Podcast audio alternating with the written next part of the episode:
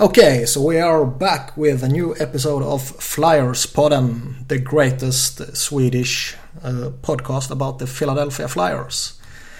And this is, will be an all English episode because me and my friend Johan, uh, and I'm Niklas by the way, uh, has got a very important guest today. So we won't be able to speak any Swedish. And uh, the guy joining us is Charlie from uh, the most people probably know him from SB Nation's Broad Street Hockey. And now he's at the Athletic. So Charlie O'Connor, welcome. Thanks so much for having me. Uh, definitely, uh, definitely excited to be on the uh, on the Flyers Podden. Um, as you said, I uh, I was previously writing for uh, SB Nation, covering the Flyers at BroadStreetHockey.com, but over the past month, uh, I moved to a new site uh, called The Athletic, uh, The Athletic Philadelphia specifically. Um, and essentially it's a subscription-based platform um, that's kind of slowly expanding over the United States as a whole. It started out in Chicago. It's very big in Toronto now. They expanded to Philadelphia, and I am now the new lead Flyers writer there. So before I mostly wrote part-time. I had a full-time job in the marketing world, and now I'm turning to covering the Flyers as a full-time job for the first time, which is something I'm really excited about. And uh, as a result, the content is going to be much more frequent than it has been in the past. I'm going to try to be writing, you know, at least an article every weekday, and then obviously covering every game up in the press box. So um, if uh, you know if you like what you see uh, from what I you know post on Twitter, um, definitely um, would love to have you subscribe and read my articles. Um, and uh, obviously happy to be here um, and happy to be talking with you guys. Yeah, that's a dream come Very true. excited. It's uh, Yeah, reading your work. I mean, on- not you joining us. I've been reading your stuff on uh, uh, BSH for quite a while, so it's pretty cool that you get a chance to to write full time. Because I know you were working part time, uh, so that's pretty cool. Uh, first of all, when you introdu- introduced Charlie, you said friend, Johan. I'm not sure I agree on that part that we are friends, Niklas. But Sometimes I like to be like give the you know like yeah I don't know you don't know. yeah Uh, so, I, I like to sound nice sometimes Yeah. You you said that the the athletic was slowly expanding. Feels like it's blowing up. It's everywhere right now, which is cool because it's some great writers.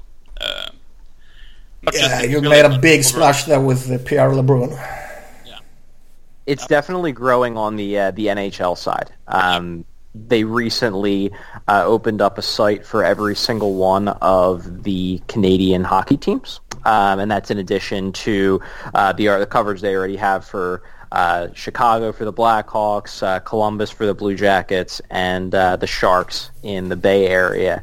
Um, so the NHL side is definitely the fastest growing, and it's really exciting to kind of get it on the ground floor with them because the NHL has been such a, a top priority. I'm adding people like Pierre LeBrun, obviously James Mirtle up in Toronto. Uh, They're adding a lot of big names and, uh, and a lot of beat writers as well. So it's really cool that I'm kind of getting to lead the, the Flyers coverage, and now I just got to do a really good job. I'm sure you will Yeah, I have no doubt. To be honest, okay so let's jump uh, straight into the crazy thing that is the Philadelphia Flyers uh, we had a prospects game the other night and uh, I know you were at the game Charlie. Can you give us a few like quick uh, feelings from the game? Definitely. Uh, so the game itself, essentially, the the Flyers jumped out to a lead uh, and then slowly gave it away as the game progressed. But for an exhibition game, the, the score really doesn't matter as much. You're more looking at how the individual players performed. And Um, I would say that there were four players in particular that, that stood out to me as performing especially well. Um, Nolan Patrick was one who obviously fans were extremely excited to see. Um, Oskar Lindblom as well, who I know you guys are obviously very familiar with. I thought he, he looked very good, and it was definitely a good start to his push to try to make the team. And then you had two kind of under-the-radar players who I thought really stood out in uh, Mikhail Vorobyev uh, he just came over to um, North America after playing the KHL last year. He looked really, really good in this game. He set up two goals with two fantastic primary assists. And then Mark Friedman, who is a, a defenseman prospect who has been playing in the, the U.S. collegiate uh, leagues for the last three years. He kind of falls a little bit under the radar because of all the, the big name defense prospects like you know Myers and Sanheim and, and Morin and Hägg. Uh, Friedman outplayed all of them. Uh, Hägg yeah. wasn't playing in the game, but uh, he outplayed Myers and Sanheim and, and, and Morin. He was just all over the ice. Definitely an extremely effective game for him. And that's not to say I think he's going to you know make a push to, to make the team. I think he's almost certainly going to play in the AHL this year. But it was definitely you know something of a statement game for him, and he got to show his stuff to a lot of fans who maybe weren't as familiar with his talent. Yeah, what I like about Friedman is that he's a right-handed shot which is something this team needs. Ob- obviously, they have Myers. I am as well. It. Sorry? Definitely. Yeah, I, I'm a righty as well. Yeah. uh, so I'm, I'm pretty. I think it's pretty cool that he gets some attention. Obviously, you have all those other ones you mentioned who gets all the the media attention. Uh, but what did you think about Nolan Patrick? It's his first game since March with all the injuries and surgeries, was he better than you thought he'd be, or did you think he was about as good as the hype was? I, I had very high expectations for, for Patrick, and I would definitely say he met them. Um, in some ways, I would say he exceeded them, but not you know, not in terms of his overall effectiveness. I think he was about as effective as I was hoping him to be.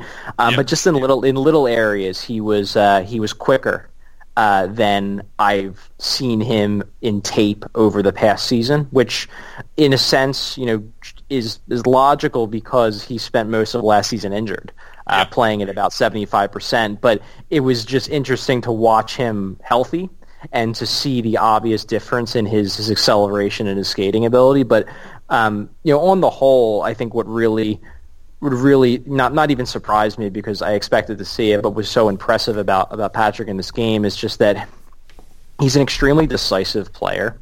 His his passing is is really really strong, and I'm not just talking from an accuracy standpoint. He he finds players that you don't even realize are open, mm-hmm. and and he lead he leads players through the neutral zone so that they can they can move the puck with speed rather than have to you know slow down to receive passes. He's he's making decisions quicker than anyone else on the ice, and that's the kind of thing you need in in a center in a center who people think can be you know a top six or even a, a number one center in the NHL level. Uh, he showed me nothing in that game to make me think that he's not capable of, of being that guy over the long term.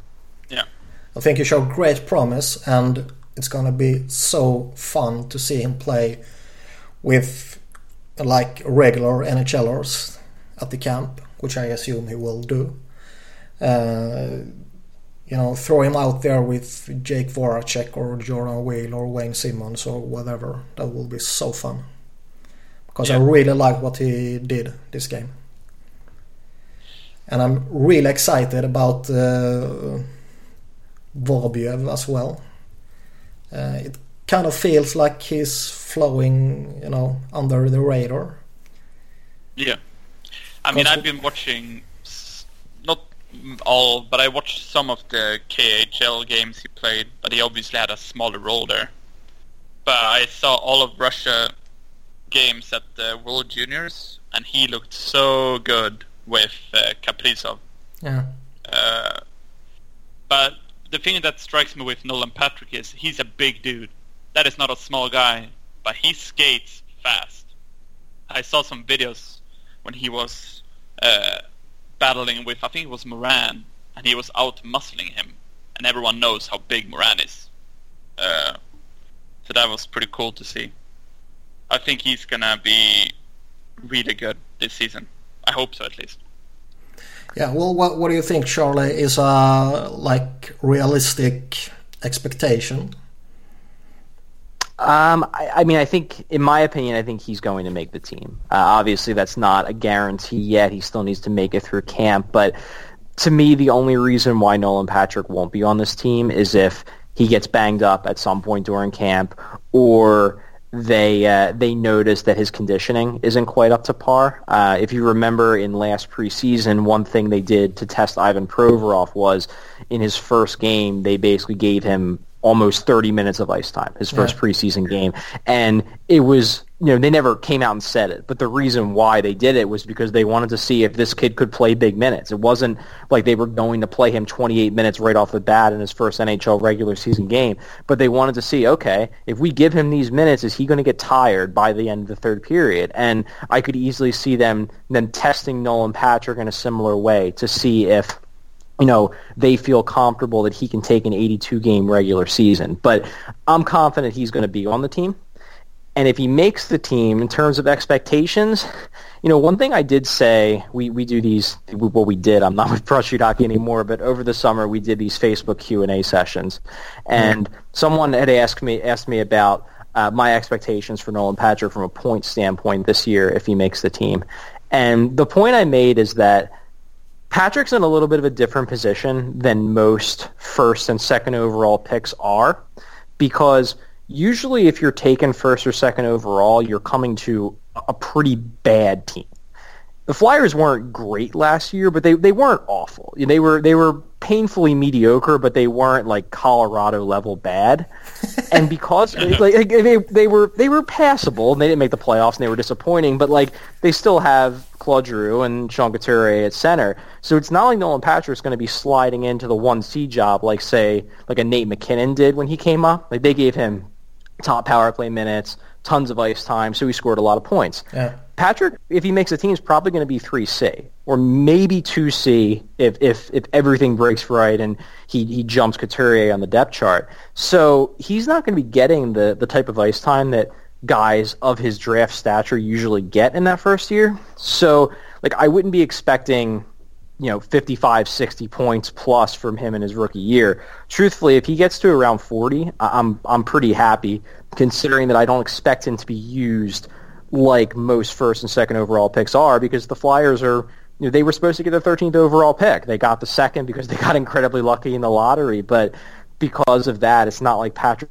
is going to a team that's that's starved for talent. He's just going to basically be a piece, and yeah. because of that, it's going to you know probably he's going to cut down on his raw point totals. But in my mind, if he gets to like 40 points, I'm I'm pretty satisfied with that season for him. Yeah. Do you think it's a given that he will play as a center?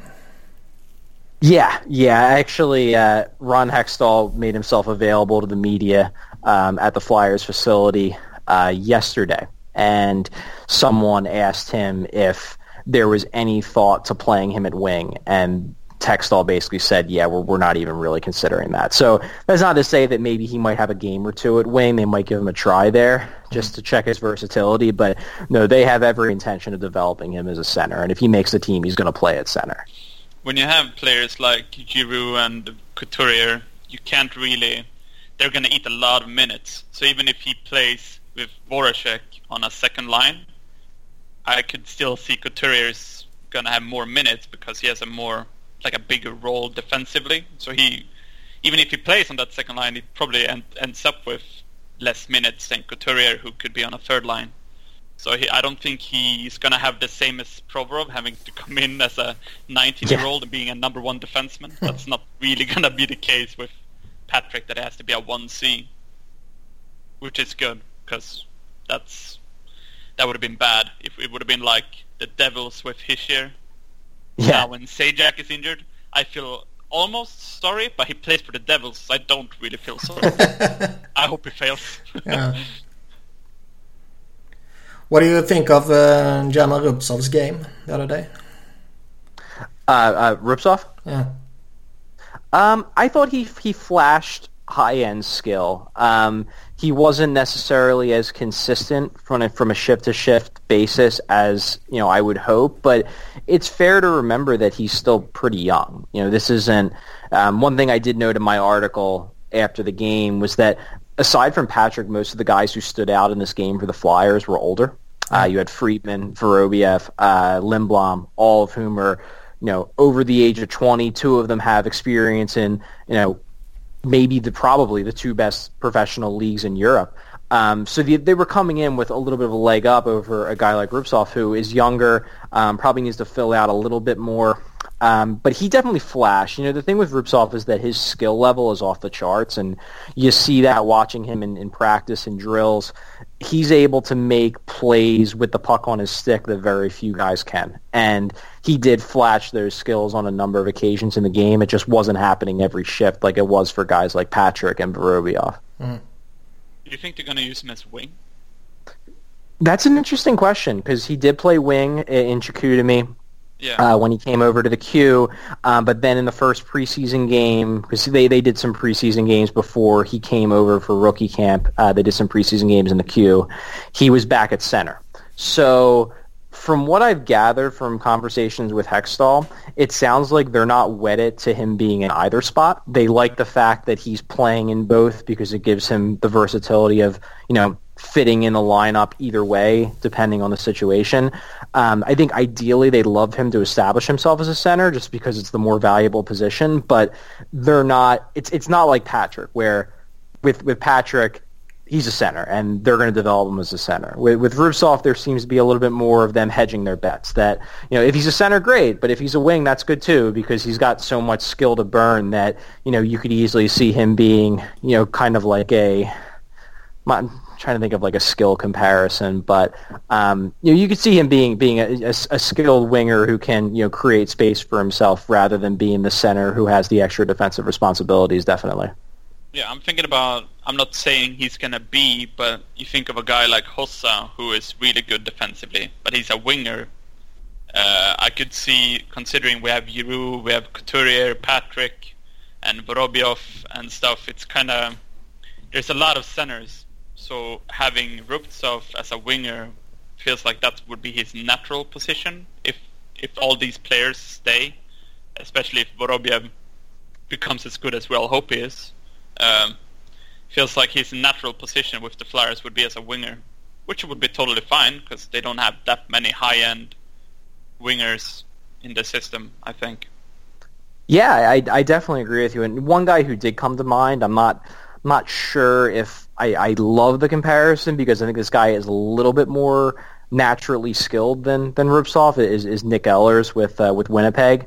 Yeah. Um, there, there there's a little bit of a comparison there with regards to the speed and the puck handling ability that they both have, and obviously Ehlers is establishing himself as a really really good wing in the in the National Hockey League. So if if that would be Rubtsov's ceiling on the you know on the wing, that'd be amazing. Yeah. I just want that old Russian line. yeah, let's bring back Bruce as well. yeah. But uh, you know the Ivan Korosenkov, the the camp invitee, I was kind of impressed by his game. He's been very very impressive so far, and he was he was an invite to development camp early on in the summer, and he used that as a springboard to get an invite to, to this camp. Um, he was one of the better forwards I thought in the in the game last night, and and one of the things that impressed me most about him was he's not the the biggest guy in the world. He's not small, but he's not. He's about six foot, and he's not. You know, he's no Sam Morin or even you know an Isaac Ratcliffe or a Travis Sanheim.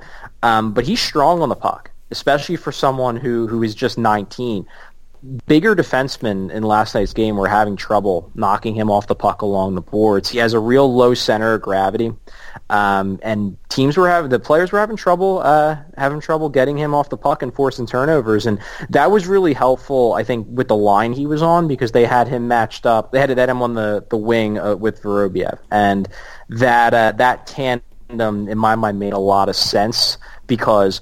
Vorobiev, who I'm a huge fan of, he doesn't really like to shoot the puck very much. He's definitely a, a passer, and and Karasenkov is or Kosorenkov is more of a shooter. His his best skill set is his his plus shot. So Yes, combining those two, yeah, it's a very very good shot, and he likes to get in close too, which is obviously you know really important if you want to score at the NHL level. You got to be getting into the dirty areas. Um, so combining those two on the same line, I thought made a lot of sense, and I didn't think it was any surprise that it was.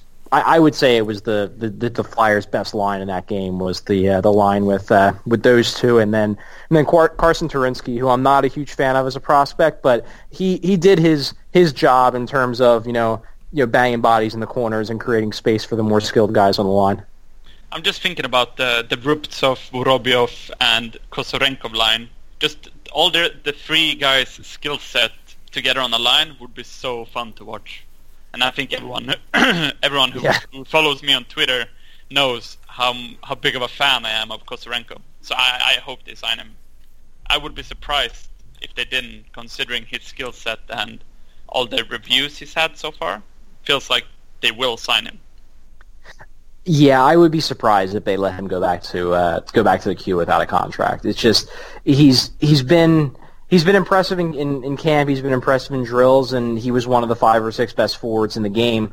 Uh, What what I've said before is that I, I don't think he's you know a prospect on the Phil Myers level where he's going to get unsigned and then, or he's going to you know go undrafted, get signed, and then become a top fifty prospect. I don't think he's at that level, but I think he's better than a number of the the Canadian juniors players that they've signed to entry level contracts over the past couple years. And if if that's the case, I don't see any reason why you wouldn't add him to the pool. Um, I'm not saying I think he's gonna be like a like one of those Russian snipers like Kucherov or whatever, but I I could see him being a middle sixer who has a ridiculous shot that you can use. Uh, it's kind of what I'm hoping for. Then if he's better than that, you never know.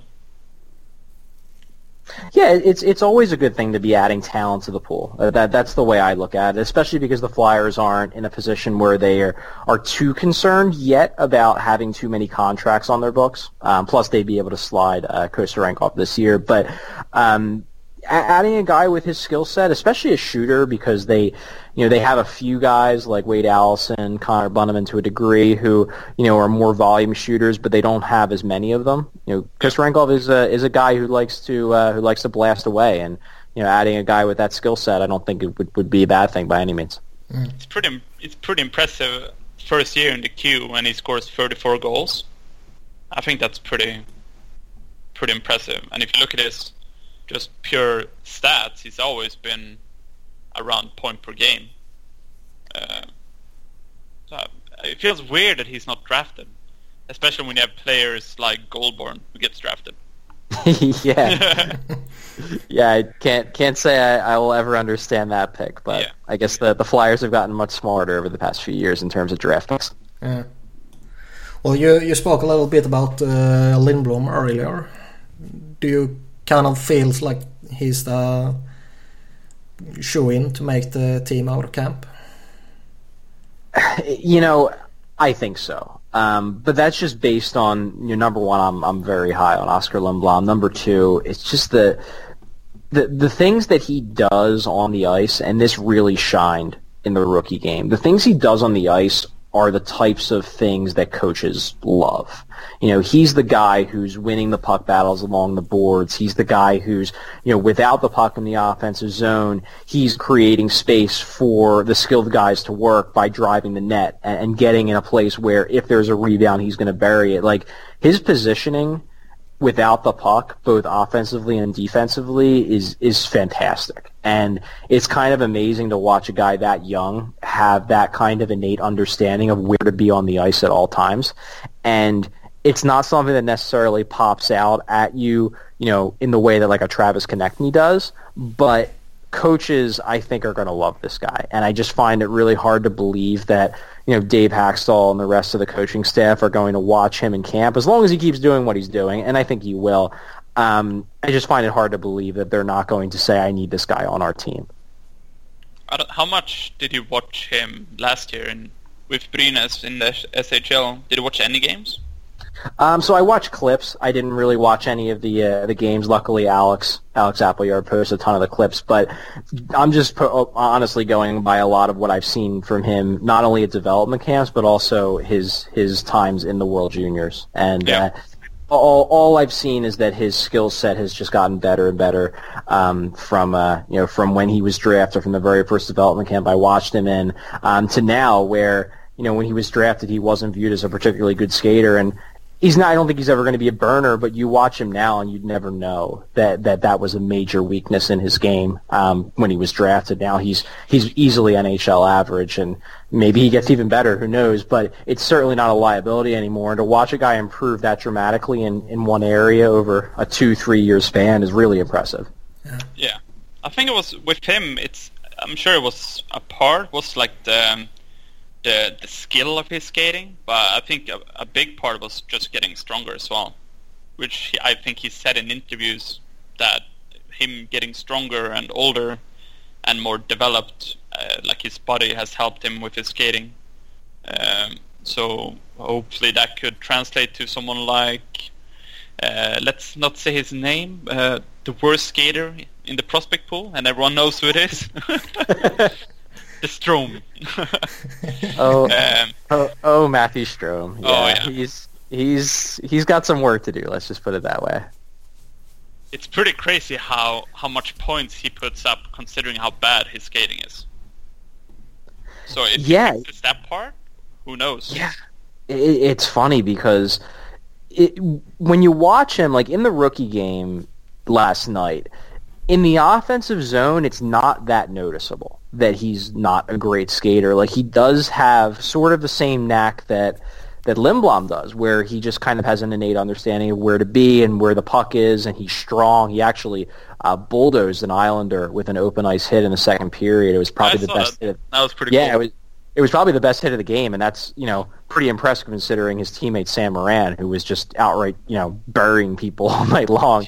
But uh, but then you watch him on the defensive side, and it shows, and especially when he's trying to mark his man, um, it shows that he just doesn't generate any power from his strides, and you would think, you know, it- it's amazing to me, and we we've talked about this on on BSH Radio a few times. It's amazing to me that a guy who came from a family that is going to at least have two NHLers never like hired a skating coach to teach this guy how to be at least passably good at skating. Like I just don't. I, I don't understand it. His brothers Yeah. are that's like one of their main strengths, and he just never got the hang of it. I, Yeah, it's just it's bizarre, and maybe they did. Maybe they just hired a really bad skating coach. I don't know, but it's it's clear that, that, that that's not at an NHL level. And if he can if he can just improve that a little bit, yeah, the the instincts are there. You just you just worry that the skating is always going to make him a liability in the uh, in the neutral and defensive zones, and it's going to kill any chance he has of being an NHLer. But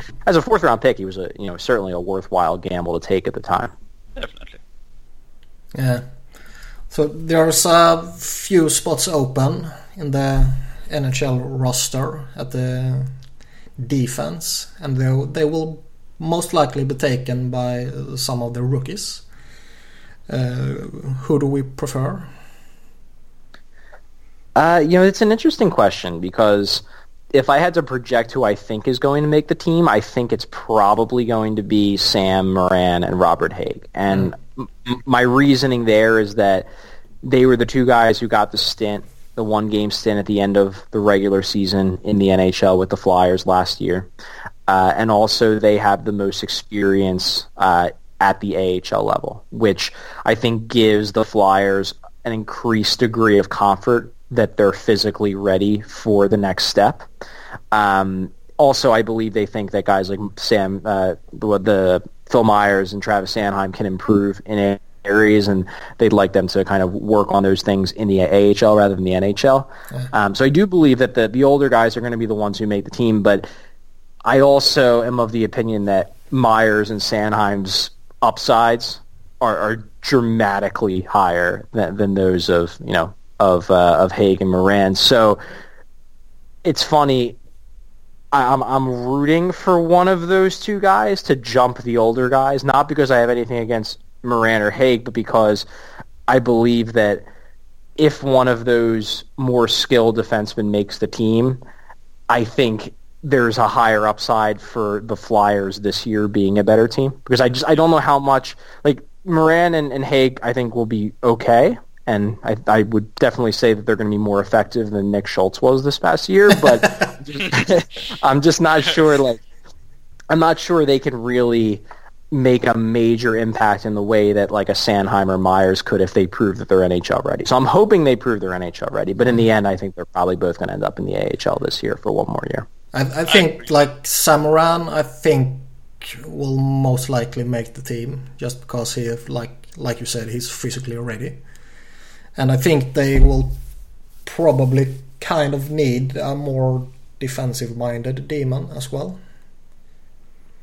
Uh, I don't know if I buy the Hägg hype um, because I just f- he just feels like meh you know. Right.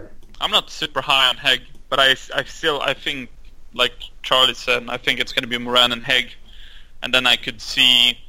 I think the Phantoms are going to be pretty nuts this year. So I could I hope they pair Sanheim with Myers, and I could see one of them, if not both, like play pretty, have some ridiculous numbers, hopefully, and then one of them is going to get called up, because I don't I don't think Hägg is going to be that good.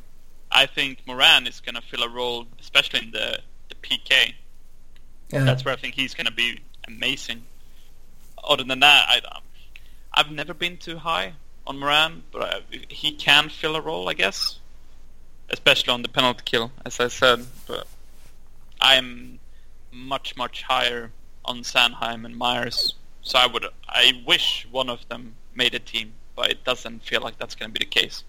Especially now with Myers when he got that injury yesterday. Even if it's just precautionary that it didn't play, coming off double, was it double? Uh, last year he had, had fuck it's called um, head injuries. I can't remember the word.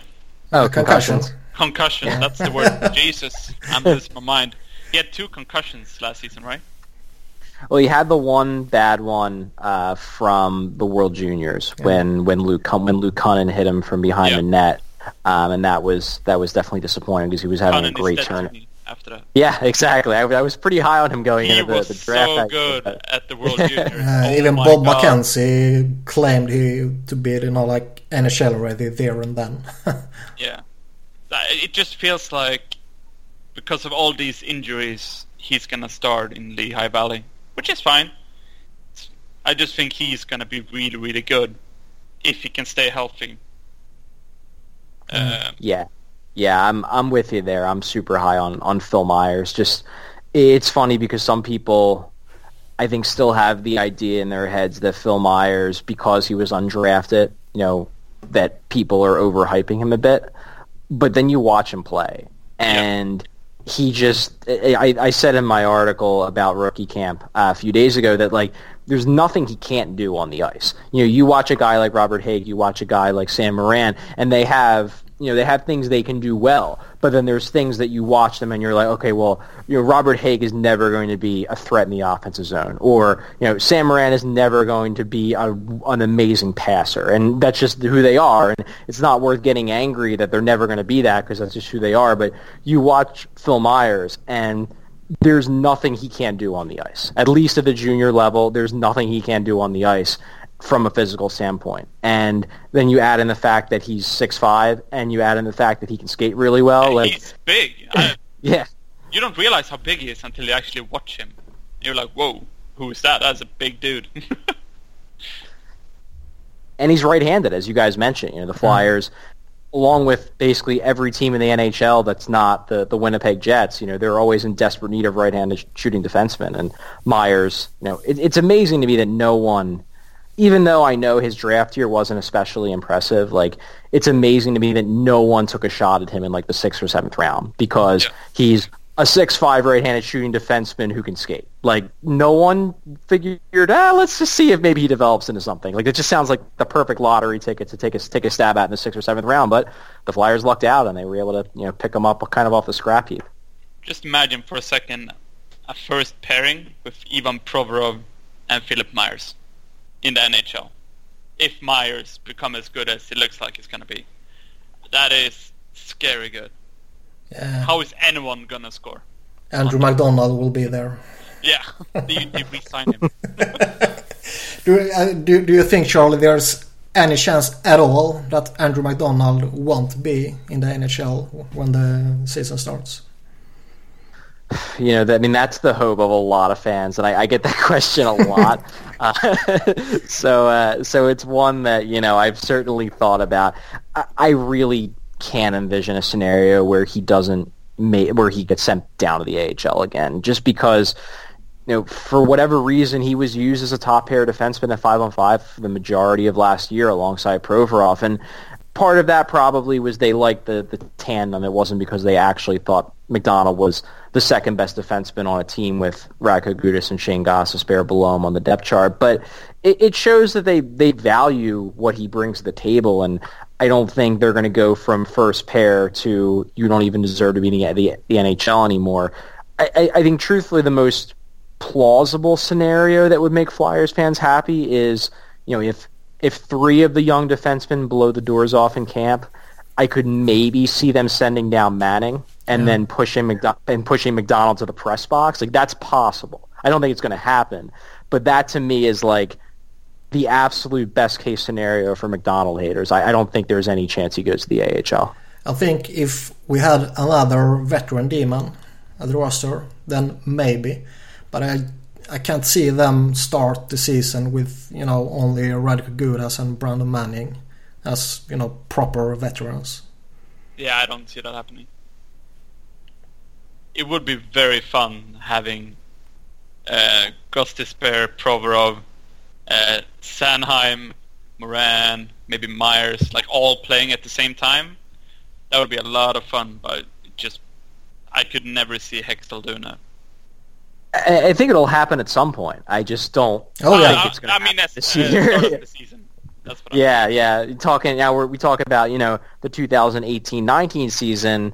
You know, then you're looking at a possible top four of you know Provorov, Myers, you know Ghost Sanheim or Ghost Morin and Sanheim on on the third pair. Like that's where this defense gets really really exciting. But at this point, I just I, I agree with you. I don't think that's a that, that that's a jump they're going to or a leap that they're going to take. You know, to start the 2017 season, but we'll see.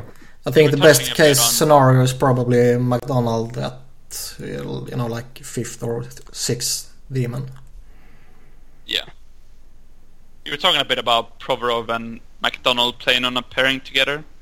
It amazes me that Provorov enters the league as a 19-year-old, as a number one defenseman, and he has MacDonald on his side the whole season, and he's still, he still is as good as he was last year. I, it's insane as a 19-year-old to come into the NHL as a number one defenseman and having one of the worst defensemen in the league on your side, and you're like, eh, doesn't matter. I'm still good enough. It, when I think about that, it's I ju- I'm just thinking, wow, this guy is something special. Yeah, and that's why it was so hard. You know, obviously, I, uh, you know, I'm kind of in the stack community, like the the national hockey stack community, and it was really hard to sort of explain to people who don't watch the Flyers on a nightly basis, who would just look at Provorov's advanced metrics and they would see that they, you know, they look meh. They're not like Yeah. horrific, but they're they weren't especially amazing.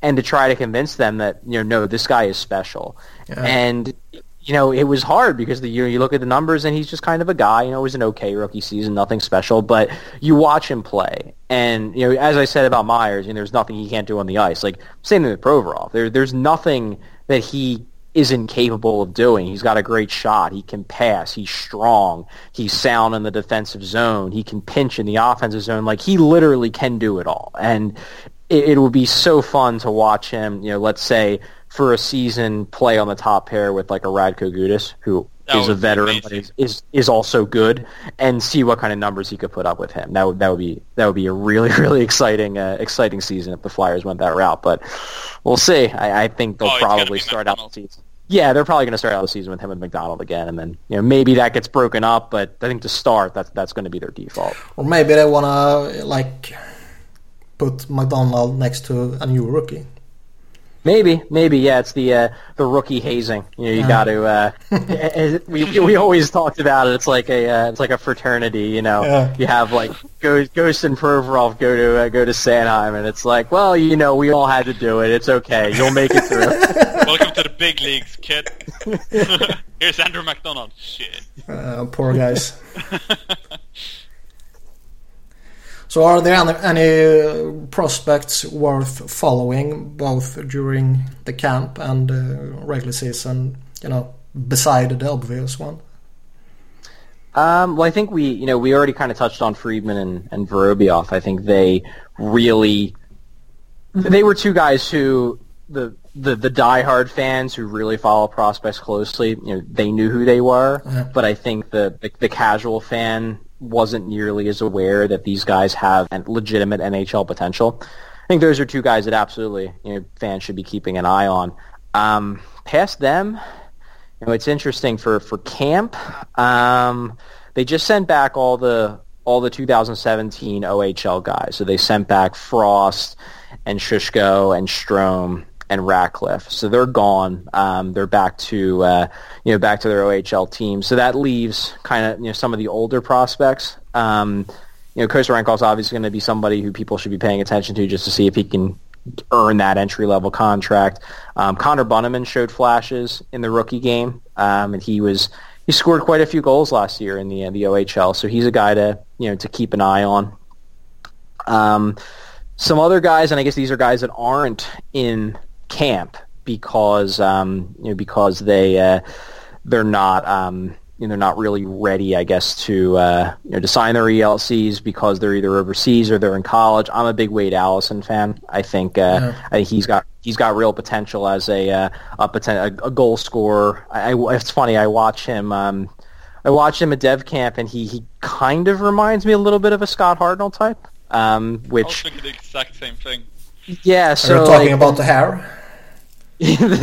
well, he he does have he does have unique hair. He's a he's a full on ginger, but um, but no, it's it's you know it's kind of the the skating ability. He's a he's a bigger guy who's not afraid to be physical, and and Hartnell had a real good shot. You know, people kind of forget that with Hartnell, but before Brayden Schenn in the slot on that power play one, it was Scott Hartnell. He Yeah. was you know racking up thirty goals.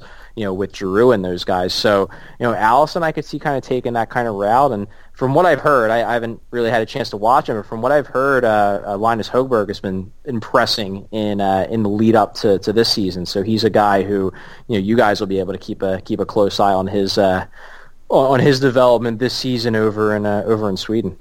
He Yeah. should be getting a bigger role uh, with uh, Växjö, I think it is. Yeah, that's my So- hometown. So. Yeah. So hopefully he will uh, take a step. You know, speaking about that power play now with uh, Schenn uh, gone, who do you expect to take his place in the high slot? Or will they like put out the different formation? Yeah, that's that's in my mind. It might be, truthfully, aside from the prospects, whether they're going to make the team or not, it might be the most intriguing question of camp because if you want to run the same formation, the same one-three-one with Giroux on the on the left side, you kind of need a left-handed shot Yeah, to uh, to take that role in the slot. And the problem is, is that the most logical choices to fill that role from a skill standpoint, they're all righties. Patrick's a righty, Konecny's a righty, Wheels a righty. So you're in a situation where if you want to run the same formation, you got to put a guy there who maybe you know either might not have the ideal skill set or just hasn't proven himself at the NHL level yet. Like Michael Raffl's, a lefty. Michael Raffl's, a decent five on five goal scorer. Does he have a good enough shot to to thrive there? Not sure. You could you could theoretically move Voracek to the middle, but he's struggled to score on the power play for the past two years. The positive there, though, is that then you could, you know, theoretically put like a Patrick or Konecny on the right side, take his spot, and then just the the setup works the same way. But I don't, don't know if Voracek provides the same goal scoring threat in the middle. If you if you do that, Lindblom is the is the really really exciting possibility because he's played that role in Sweden. He's got a good shot. He's got great hockey sense and good instincts to create space in the in the middle of the slot. And I really think that in the end he might end up being a choice. The only issue with that is I just I wonder if the Flyers are going to hand him a spot on power play one as a rookie right off the bat. Like I just I, I don't know if they're going to be willing to to take that leap of faith with it with the kid. Maybe they are, and it would be really exciting if they did. But oh, that would be so fun to watch. Yeah, but it's just you know I'm not sure if they're going to be willing to to do that. I, I could see it being like a mid season thing. Maybe they try out a few guys, it doesn't work out, and then they give Lindblom a shot and he kills it. But I just don't know if it's going to be a, a game one. All right, Oskar, you're not only are you on the team, you're on one of the, the best power play units in hockey. Have fun, kid. Welcome to the big league, kid. exactly. I've been thinking uh, actually about uh, Ghost because he's got the you know the one big quality that you need there, the great shot, the quick shot, and you know, in overtime, three and three, he and Giroux has, you know, found some combinations. So I wouldn't mind trying him out there and putting like uh, Provorov uh, as a defender. Yeah. Yeah, it's it's an interesting idea. Um, I haven't really, yeah, Sorry. I haven't really thought about him as a as a slot option, but that would. It, it's it's funny because there's there has been research done that the the four forward one defenseman format tends to be better at goal and shot production. But at the same time, I don't think anybody uses a defenseman in the slot. Yeah. So it, it's kind of you're basically saying like, okay, Ghost, you're basically a forward on this power play, and you know, we, we watch him play. Like Ghost has the skills to be a forward, so maybe that would work. I don't know. I could see work on on that position because if you think about it, you need to have the shot and you need to be able to move quickly, like laterally or whatever, to switch up positions, and that's his strength. No one skates better. Uh, he could move around in the slot and all around the power play pretty pretty easily to switch sh- shooting position. So I could see that work. You should have, you know, like uh, four good puck movers as well in Giroux and Voracek and Ghost and Provorov. And Simmonds can, you know, do whatever. I could see that work. Yeah. Maybe I should give Hexy a call. I don't think they're gonna try it though. It feels like they're uh, gonna put a forward there, um, whoever they put there. But I just don't think he's gonna be the guy they try out. But honestly, in the future, you you will have a lot of like D-men that should play on the power play. Like Ghost and Provorov, Sanheim should be there, there maybe Myers as well. Um, and you need to make space for them all. Yeah, yeah, I think um, it's funny that, that that Ghost idea. That's that's intriguing. The the one thing I could see them one reason why I could see them hesitating is that you know one of the other aside from having a good shot, one of the other things you do need in that slot role is you know kind of an understanding of how to function in traffic in the yeah. middle of the ice. And obviously, defensemen don't have to do that as much in terms of like being recipients for passes in the slot during the cycle, just because they're up top, they're at the point whereas forwards are a little bit more comfortable because you know they all kind of have to spend time in that that middle area at some point during the cycle game. So that might be their hesitation. They just don't know if Ghost is going to you know kind of get overwhelmed by the checkers in the middle of the ice on the penalty kill, but. It's an outside the box idea, and it's, it's something that I, I, wouldn't mind seeing them try, just to yeah. you know, give it a couple games and see if see if Ghost can really light it up there. I'm really interested to see if they're going to keep the same power play system now when they have. Uh, do you say no block? Knoblauch. Knoblauch. Chris Knoblauch. Because um, I'm guessing he's going to run the power play. Uh, so it, it, it's been really successful, but also at times it's really predictable. Uh, I kind of want them to have a you know like a plan B when yeah. the normal stuff don't work out, and it feels like sometimes they don't. They just keep doing the same thing over and over and over again, and then maybe for a shift or two, maybe the the focus goes from Giroux to Voracek, but that's it. I kind of want them to try the you know the the Russian thing that uh, Shipachyov and Panarin and those have been doing for the national team and over behind the KHL behind the net. I kind of I don't think that should be the go-to move. But I like it as a you know like plan B where you do a lot of different things.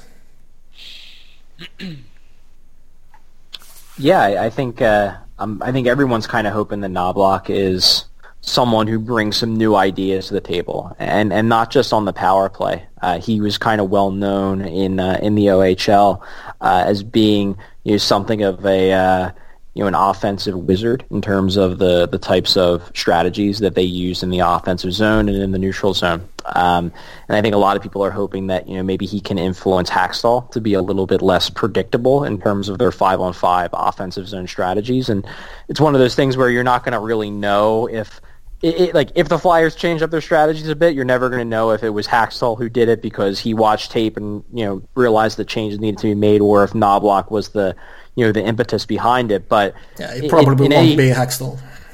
Yeah, but in any case, like it's as long as changes are being made, I think you know it's good, and it's always a good thing to add some some fresh blood to the organization from a coaching standpoint, just to you know force the the old guard to you know take a more critical look at what they're doing.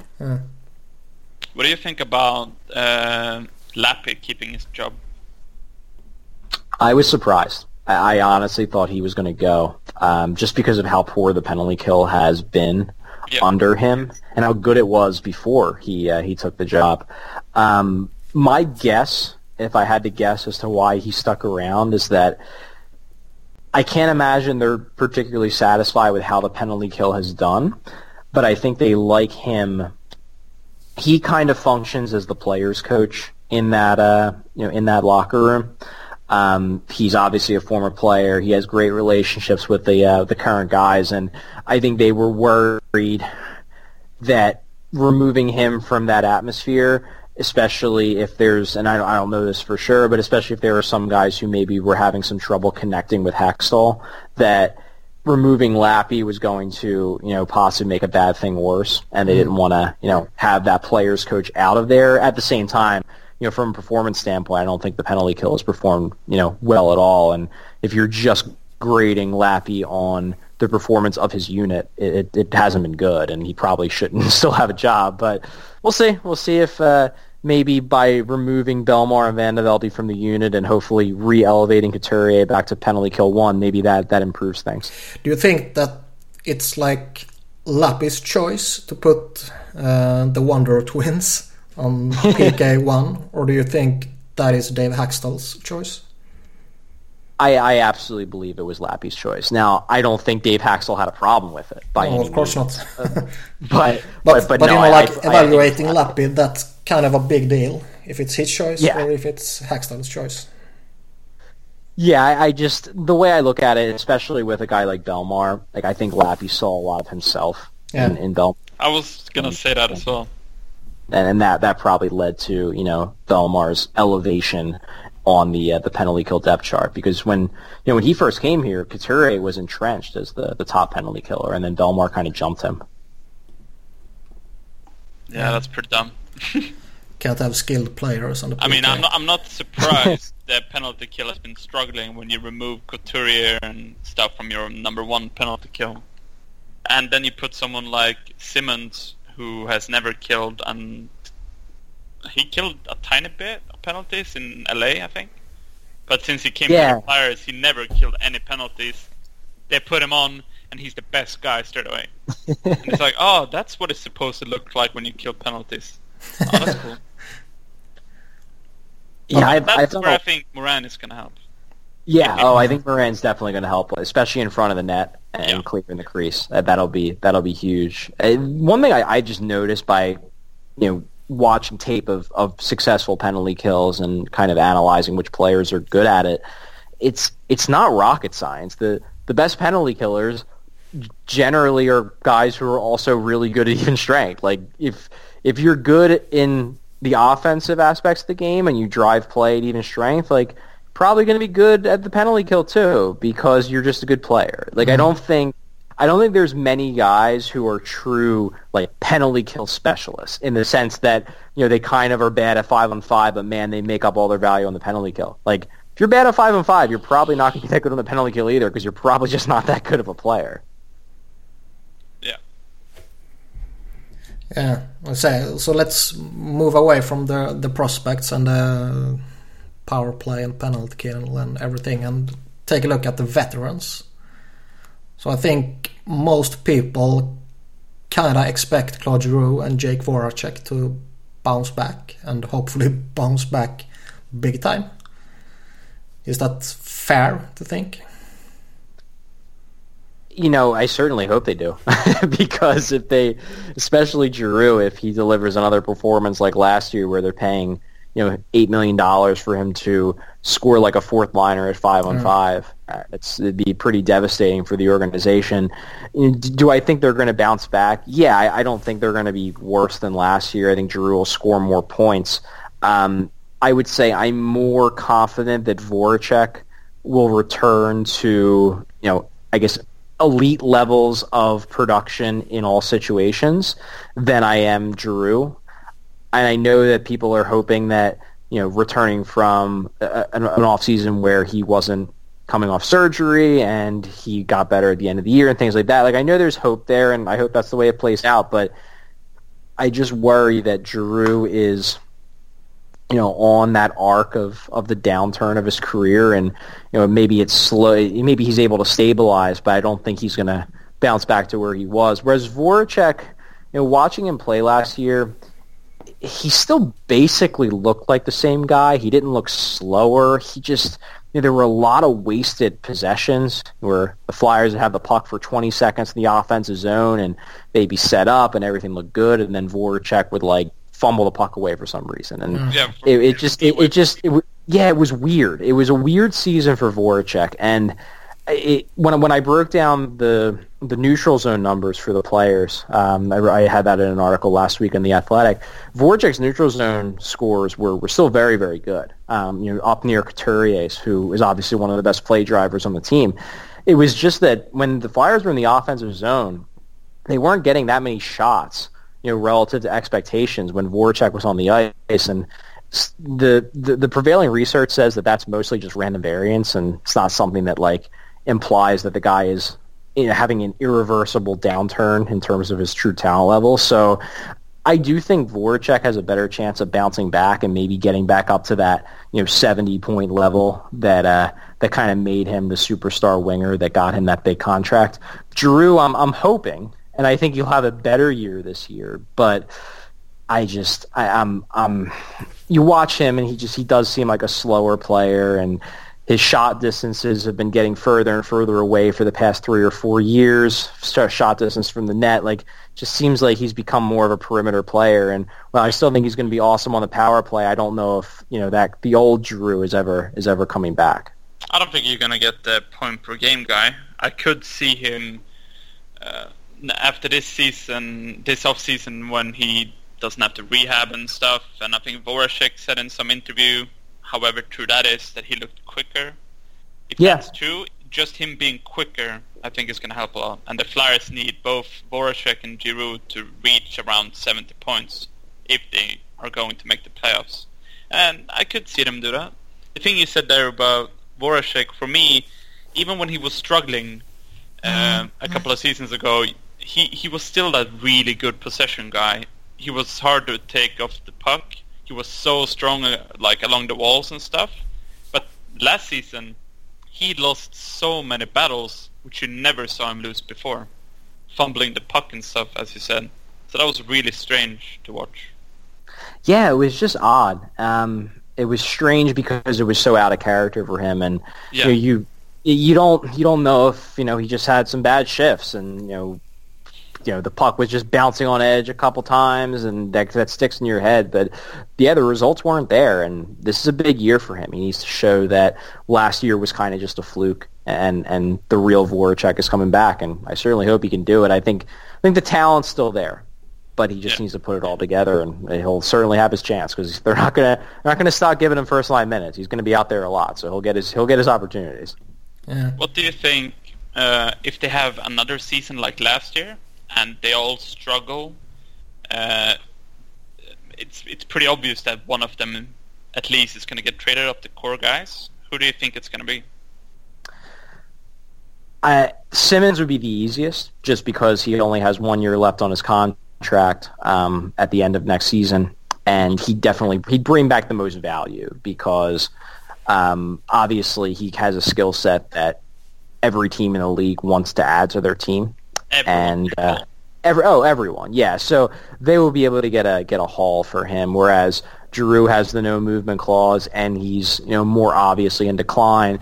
Voracek just has a massive contract, so you might have to you know if you want to get real value back for him, you might have to eat some of that money you know just to get back some real value in terms of prospects. But I agree. I think that if if the team has another bad year, especially if they have a bad year, but guys like Patrick and Lindblom step up and Provorov develops and Konecny improves, and they think, hey, you know, we need to turn this team over to the kids and ship some of these underperforming veterans out just to just to shake things up. Yeah, I, I think it's it's very possible that that one or more get moved because Hextall's starting to remake the team in his image rather than you know the image that that Paul Holmgren left him.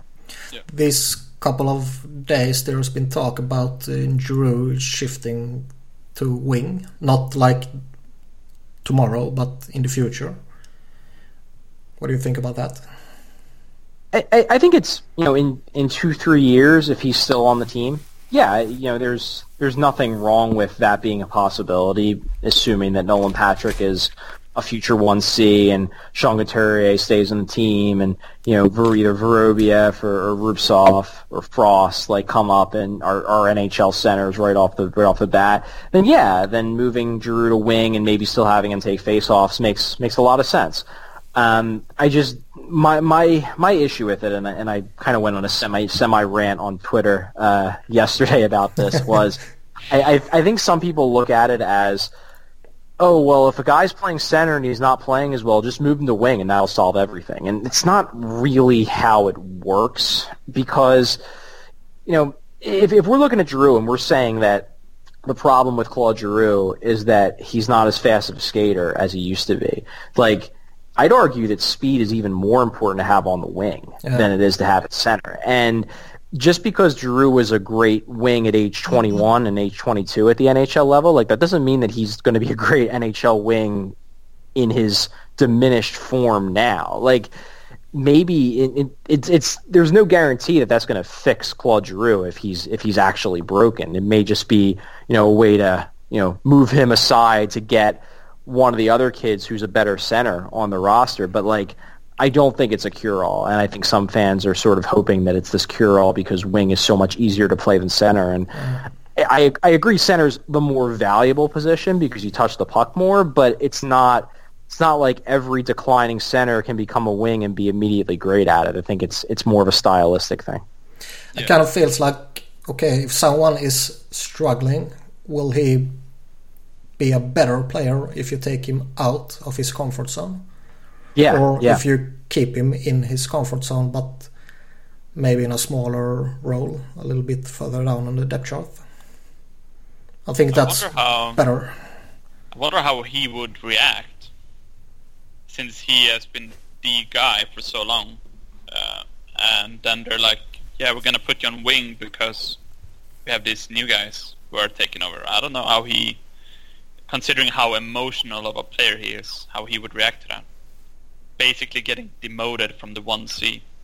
Well, it kind of depends I mean, on who he gets four- to play with. four, If he, years, yeah, then But they- that's one thing. Yeah, but if he's Nolan Patrick's new winger, I don't think he will cry that much. But if he's maybe you know like Scott Laughton's new winger, Yeah. then that might be a problem. Yeah, Hextall actually answered. Um, he kind of answered that question yesterday. Somebody brought up the wing question to him, and Yeah. Hextall, Hextall essentially said, "Look, like we're not thinking about that now. Maybe sometime down the line." But he did say that you know Giroux's a team guy, and if if we went to Giroux and told him that the team will be better if you're on the wing, that, that we're confident that, that, that Giroux would do that without question. He'd be happy to do it. So, you know, that's obviously, you know, like a soundbite. That doesn't you know, necessarily guarantee that Giroux would be thrilled with the idea, but I, I do believe Giroux is, Giroux's a good guy and he's not somebody who's going to, you know, sulk or pout because he's not the 1C anymore if that's the, the route the team takes.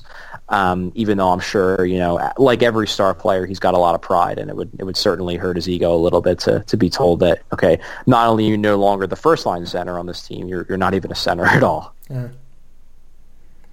Okay, so from one fairly great center to another not so great center, Jori Lehtera. What's your take on him? I'm really interested to see where he fits in this in this lineup because you know, the the Flyers can talk about all they want that they like Lehtera, they like you know the fact that he's a big body center and whatnot. But like, let's be realistic here. The reason why they traded for him was so they could get another first round pick for Brayden Schenn. I mean, that was the reason. Yeah. By by taking by by taking back salary, they got more in return for Brayden Schenn. That was the point of having Lehtera in this deal. So. I, I don't know if the Flyers are like super wedded to the idea of Jori Lehtera in this lineup, and if he doesn't perform well in camp, it's not like I think he's going to get sent down to the AHL, but I could see him in the press box, you know, yeah. for extended periods of time this year. And the one thing that worries me about Lehtera, and to a degree it worries me about Filppula as well, is that these are two guys who never shoot the puck. And they've kind of gotten away with that because Filppula was paired with Steven Stamkos and Lehtera was paired with Vladimir Tarasenko, two guys who live to shoot the puck. And that's how that's how it worked. That's how you get by with having a guy who's a pure playmaker. You put him with a guy who's a pure shooter. Do, do the Flyers really have any pure shooters on this roster? Like it, it, whoever they pair Lehtera with, like who's he going to pass to? who's going to actually want to shoot all the time? I just I, I worry about the the lineup fit with with both of those guys, but with but especially with Lehtera because I just I, I don't know if he's a bottom sixer. Then then you're talking about guys who aren't even that skilled. So who's gonna who's gonna finish his passes? I don't know. It's it's a it's an interesting question that they're gonna face in camp with with Lehtera. I feel like he, Read, and Weise will uh, spend all of three of them will spend time in the press box. Then they will play.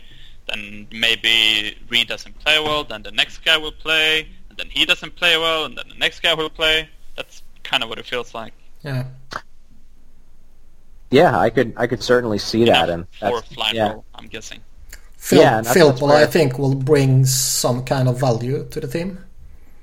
Lehtera, I don't know about.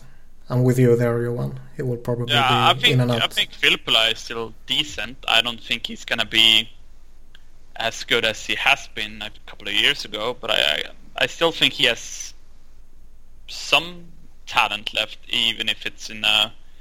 Uh, if if Patrick makes the team, he's definitely either he's either going to be the 4C, which would be kind of insane thinking about it, yeah. or he's going to be yeah. a winger in one of the lines. I wouldn't mind yeah, him I, as Patrick's winger. Yeah, that's what I was going to say too. I, I, could easily see him ending up on the wing with Patrick. Uh. Yeah, which is fine. I'm totally fine with that.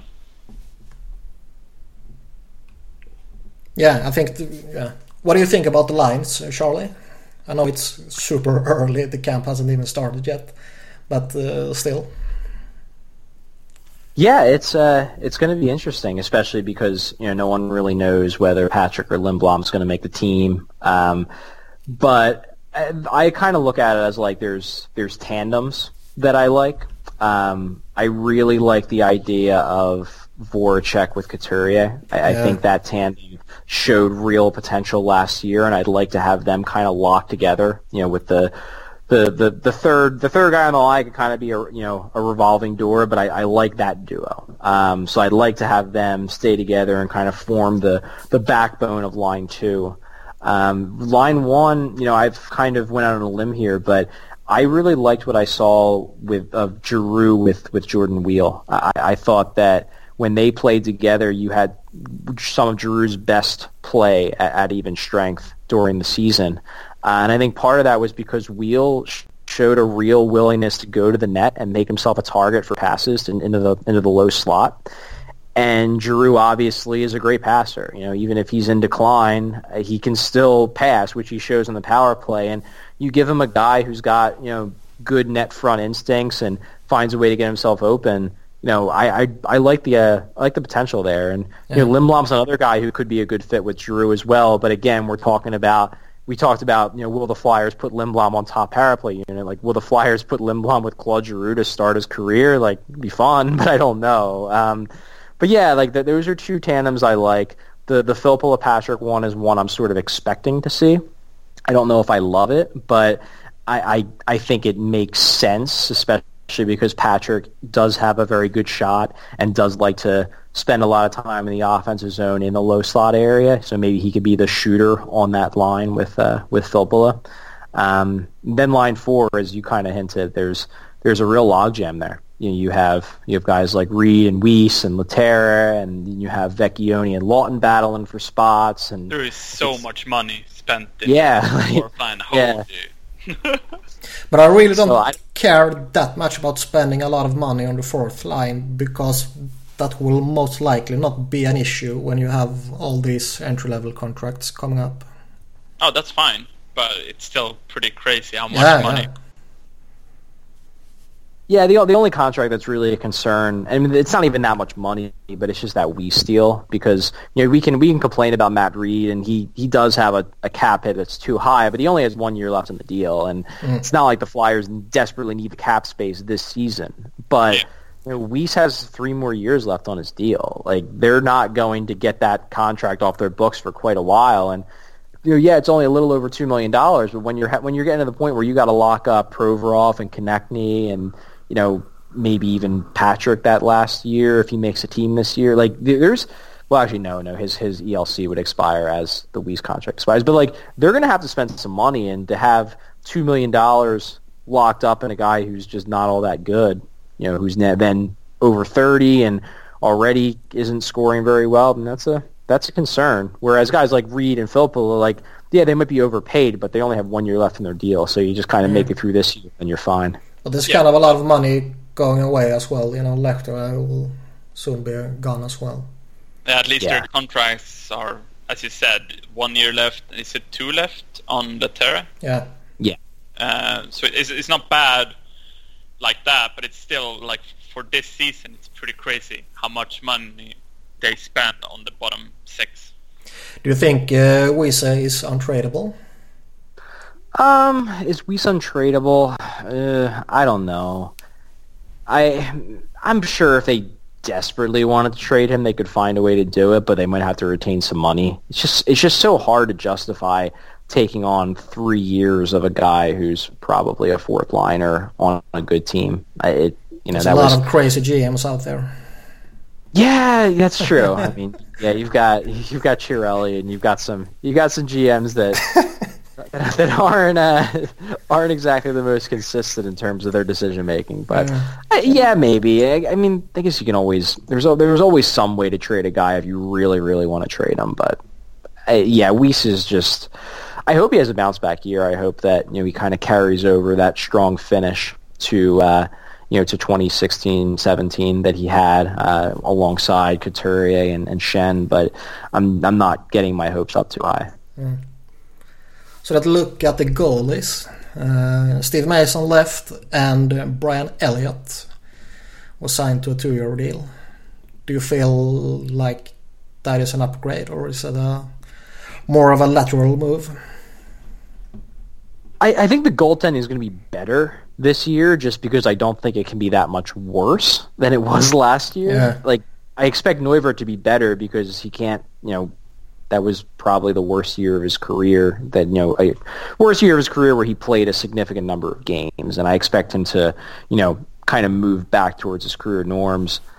Elliott, you know, I think Elliott can at least match what Mason did last year. Now, now, do I think that it was a lateral move in the sense that, you know, if the Flyers brought back Mason instead of going out and signing Elliott, like I think I would have been happier with the goaltending if it's Mason Neuvirth versus Mason Elliott or versus Elliott Neuvirth. But I think it'll be improved this year versus last year. Now, do I think it's going to be great? I, I, hope Elliott works out. I just, I don't know. He, he's an older goalie, and you wonder how much of his great numbers in St. Louis was, you know, a result of how good defensively that team was. Um, what kind of scares me is the comments he made about, you know, adjusting to the Flames uh, system. He found it difficult. And, you know, how are he going to be able to play under Dave Hakstol? Yeah. Yeah, it's it's plausible to me that Elliott has a good year. Like I'm not I'm not ruling out the possibility. I'm cautiously optimistic about Brian Elliott, but I don't think the Flyers, you know, I don't think goaltending is going to be a huge strength. But at the same time, you know, we all thought this time last year that the Flyers goaltending was going to be a big strength, yeah. and then it ended up being a, and then it ended up being a disaster. So go, goalies are weird. You just it's hard to predict them from from one year to the next. I think it's a safe bet predicting that they're going to be league average when it comes yeah. to like the 82nd game of the season. I could see them being around 15, 16. I, I don't think Elliott is bad, but yeah. I don't think he's incredible either. As you said with St. Louis, he had a pretty ridiculous season that one year. Uh, but how much is that because of the defense and the Hitchcock system? I, hard to say. I think it's going to be okay. I'm not too worried, to be honest. Who do you think will play the most games, Charlie? I, I would say Elliott, um, and that's honestly because I expect Neuvirth to get hurt a few times because he, he, always gets hurt a few times. Uh, I wouldn't be shocked if uh, game one Hakstol rolls with Neuvirth because Hakstol absolutely seems to love the guy. Yeah. Um, but I think in the end, Elliott will play more games just because I have more confidence that Brian Elliott can stay healthy than I have confidence Michael Neuvirth can stay healthy. Yeah. Yeah. Uh, you know, speaking about the regular season, what do you think is a realistic prediction of the upcoming season? So right now, I have the Flyers missing the playoffs, but I have them. Bit, I I have them a better team. All right, let's cancel right now. but uh, no, I, I think the Flyers will be better this year. I just am very concerned about the strength of the Metro um, yeah. because, well, I think the Flyers got better. I think Carolina got better as, as well, and I could see Carolina jumping the Flyers. So I don't. And maybe the Flyers can get past the Rangers. Uh, maybe they can get past Columbus if you know Tortorella runs the team into ground as he's done in the past with you know his very very kind and generous personality. um, but uh, it, I, I, think the Flyers will be a better team. I think they will finish with more points, but I think it's going to be very hard to make the playoffs in the Metro this yeah. year, and that might end up, you know, kind of hurting them on the whole. I think they have a they have a shot. I don't think they're they're out. It's out of the realm of possibility they make the playoffs. I think they have probably you know a maybe 40, 45 percent chance of making the playoffs this year. A little less than a coin flip, but I think they'll be in the race. I think they're they're a deep enough team that they're uh, they're not going to fall off entirely. Yeah, the Metro is going to be insane this year. Yeah, I kind of expect them to be a bubble team, so that's yeah, about the same. It's going to be the same, but since every other team in the division improved, as you said, it's going to. I don't know. It, com- it comes down to are the top guys with the Flyers. Are they going to be better? Is the goaltending going to be better? How good is Darling going to be in Carolina? How are New York Rangers going to do with uh, Zibanejad as the number one C, losing yeah. Stepan, etc., etc. So it's a lot of question marks, and as you said with Tortorella, so it's impossible to guess right now. But it's going to be a, a lot of fun. Yeah, I think they're going to be a more entertaining team this year. I know a lot of fans on Twitter by uh, by kind of like the two thirds mark of the year basically just hate watched the Flyers last season. It was just a, a three hour yeah, time for them to to, to, to curse and yell about all the things they hated about the team, um, and then you know they they stew on it for two days, convince themselves that it'll be better the next game, and then be angry again for three hours as the Flyers got shut out yet again. Uh, I think the Flyers will be more entertaining this year. I don't know if that if that's going to turn into a legitimate playoff team, but I think they'll be in the race, and I think it'll be fun, especially to watch these these kids develop. That's that's going to be the, the best part of the season. Except the Devils games on Saturdays. Oh God, the Devils. they're they're so bad, and they I really they're so know. bad, and they always beat the Flyers. Like yeah. every time, it's infuriating. So, uh, do we have anything else to like talk about about this season's Flyers? Uh, no, I think we, we really seem to have run through basically everything. Um, yeah. It's going to be, as I said, I think it'll be a more entertaining year. I hope they, uh, I hope that Hakstol and Knoblauch and the team as a whole make some adjustments to their uh, their shot strategies in the offensive zone. Because I think that held them back a lot offensively. Um, low to high, you mean? Yeah, a little yeah. less low to high, a little bit more. You know, you mentioned on the power play, but I'd love to see them play from behind the net more at five on five this year. Um, yeah. You know, get the, get get the goaltenders. You know, having to look behind their uh, look behind their shoulders, and you have to react to uh, to passes they can't see especially well. I think that would be a big help in terms of uh, improving the team's goal scoring. Um, if they keep the same low to high system, this team would have big issues. Oh yeah, no, I, I 100% yeah. agree, and that's even with adding you know more more skill on defense, which I expect them to add with the with the kids. It's still, you know, point shots are still point shots, and unless you're Shea Weber, you know, chances are they're probably not going to go in very often. Yeah. Okay, so let's round up with a you know like a a quick thing about Eric Lindros because they're gonna retire his uh, 88 this season, and he will join Bernie Parent, Barry Ashbee, Bobby Clarke, Mark Howe, and Bill Barber in the rafters. What do you think about that decision, Charlie?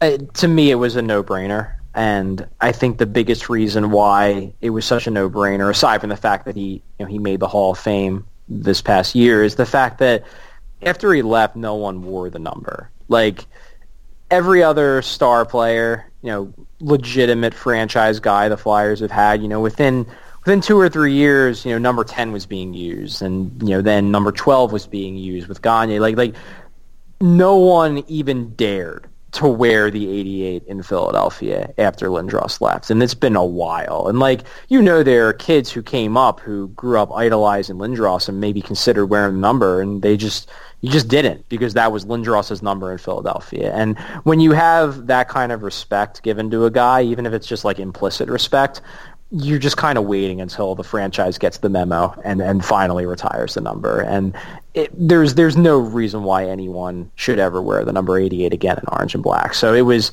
it, it was it was long awaited and it's it's well earned and it's it's gonna be it's gonna be fun seeing them them raise that number to the rafters this year. I agree. Uh, Eric Lindros is probably my favorite flyer of all time. He is the reason I'm a Flyers fan. Uh, but a part of me still wants uh, if you want if you're gonna retire a, a player's number, I, I, somewhere feel like they should have won a cup. And that's Fair. where and that's where the only thing for me that says no. But considering how how big of an impact he had on Philadelphia and hockey in general, I'm still more than okay with it. That's kind of what I'm what I'm thinking.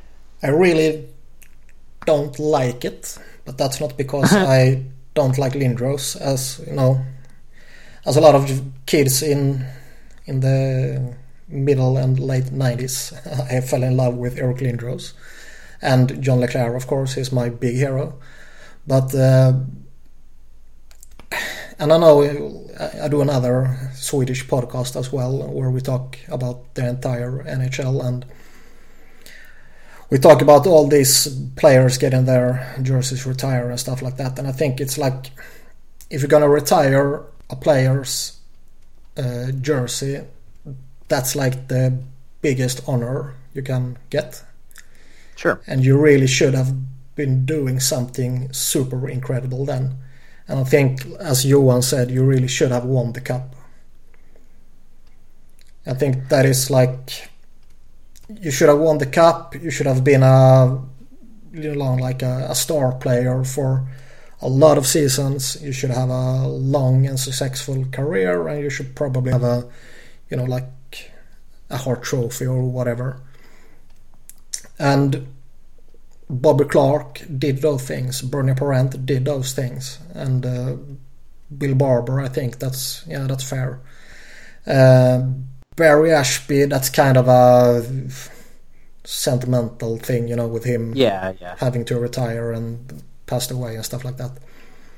Mark Howe, I feel the same thing about as as with Eric Lindros. I don't think they were great players. I just don't think they were super great in the big grand picture, you know.